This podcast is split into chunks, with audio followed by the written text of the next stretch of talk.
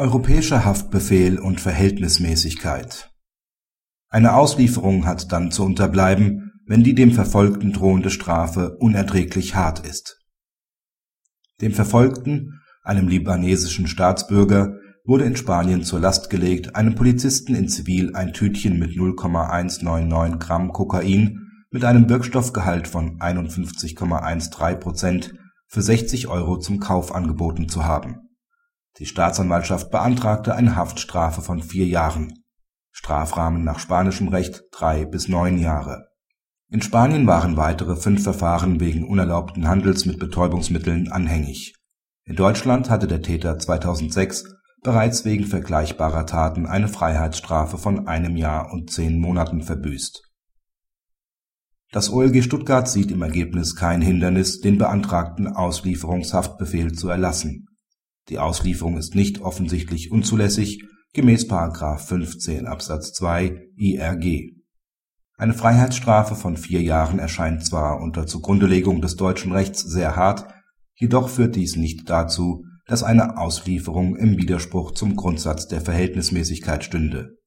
Diese müsste vielmehr unerträglich hart bzw. schlechterdings unter allen Gesichtspunkten unangemessen sein zum Beispiel drohende Freiheitsstrafe nicht unter zehn Jahren für Handel mit 0,05 Gramm Heroin-Kokain-Gemisch.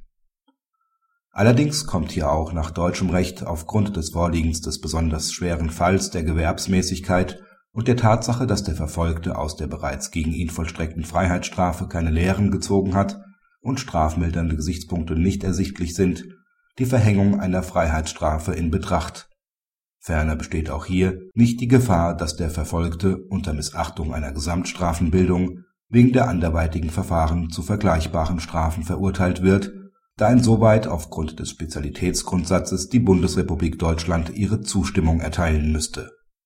Abschließend führt das OLG Stuttgart aus, dass sich der Auslieferungshaftbefehl am Grundsatz der Verhältnismäßigkeit messen lassen muss, wobei das Verfolgungsinteresse des Ausstellungsmitgliedstaats und das Freiheitsgrundrecht des Verfolgten hinreichend berücksichtigt werden müssen. Keinesfalls darf der Europäische Haftbefehl zu einem derzeit im Unionsrecht nicht vorgesehenen Europäischen Vorführbefehl verkommen.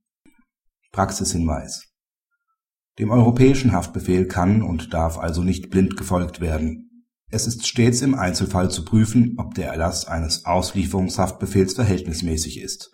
Bei der Klärung dieser Frage muss insbesondere berücksichtigt werden, ob die nach der Auslieferung drohende Strafe aus Sicht der deutschen Rechtsordnung unerträglich hart erscheint